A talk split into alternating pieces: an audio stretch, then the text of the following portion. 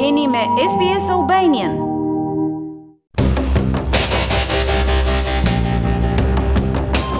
Vendimi i Bashkimit Evropian për t'i dhënë statusin e kandidatit Ukrainës dhe Moldavisë ka bërë jehonë në media. Ky vendim i ka shqetësuar vendet e Ballkanit Perëndimor, Malin e Zi, Serbinë, Shqipërinë, Maqedoninë e Veriut, Bosnjën dhe Hercegovinën si dhe Kosovën. Pothuajse njëzet vjet më parë, këtyre vendeve iu premtua anëtarësimin në Bashkimin Evropian, por ende kanë mbetur në harresë. Të ndjekim raportin. Kamerat e medias ishin gati për të mirëpritur liderat e Ballkanit Perëndimor në Bruksel me rastin e samitit të Bashkimit Evropian.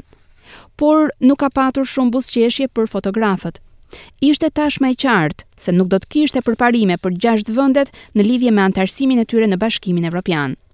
Kjo e vendosi kryeministrin e Shqipërisë, Edi Rama, në një humor antidiplomatik. North Macedonia is candidate since 17 years if I have not lost the count. Albania since 8. So uh, welcome. Maqedonia e Veriut është kandidate prej 17 vjetësh, nëse nuk gaboj. Shqipëria që prej 8 vitesh, por ndërkohë mirë se erdhe Ukrainë, ka thënë Rama. Kryeministri i Maqedonisë së Veriut, Dimitër Kovaçevski, nuk mund ta fshihte zemërimin e tij.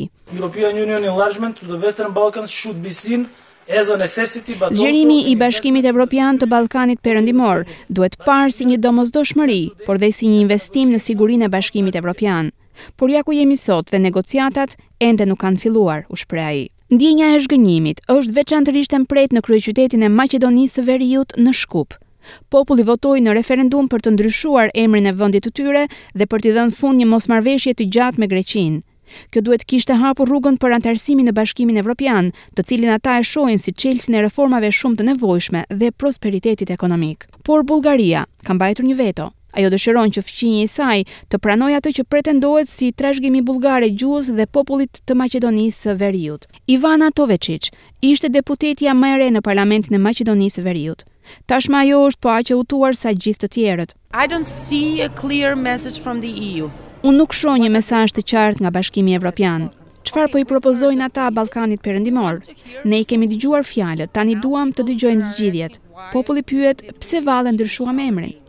Në njëzet e katër qershor, Parlamenti i Bullgarisë miratoi një rezolutë që aprovonte strukturën për negociatat, të cilën Maqedonia e Veriut kishte thënë tashmë se nuk mund ta pranojë.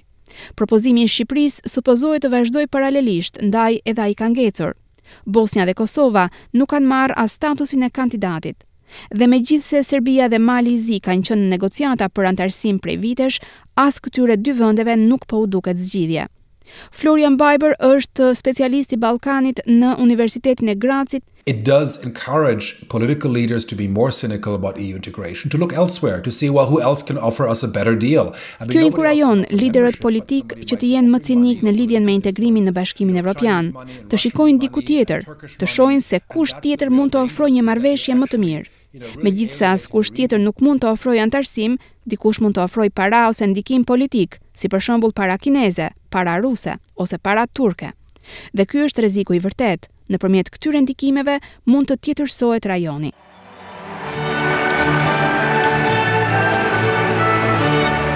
Tashmë kanë kaluar nëntë vjet që kur himni evropian, i përfaqësuar nga Oda e Gëzimit e Beethovenit, kumboi në sheshin kryesor të Zagrebit, duke përshëndetur pranimin e Kroacisë në Bashkimin Evropian.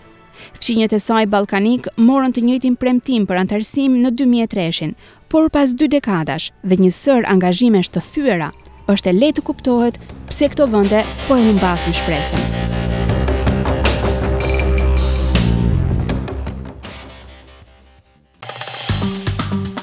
A ju pëlqeu ky reportazh? Për më shumë vizitoni Apple Podcast, Spotify ose faqet e tjera të podcast.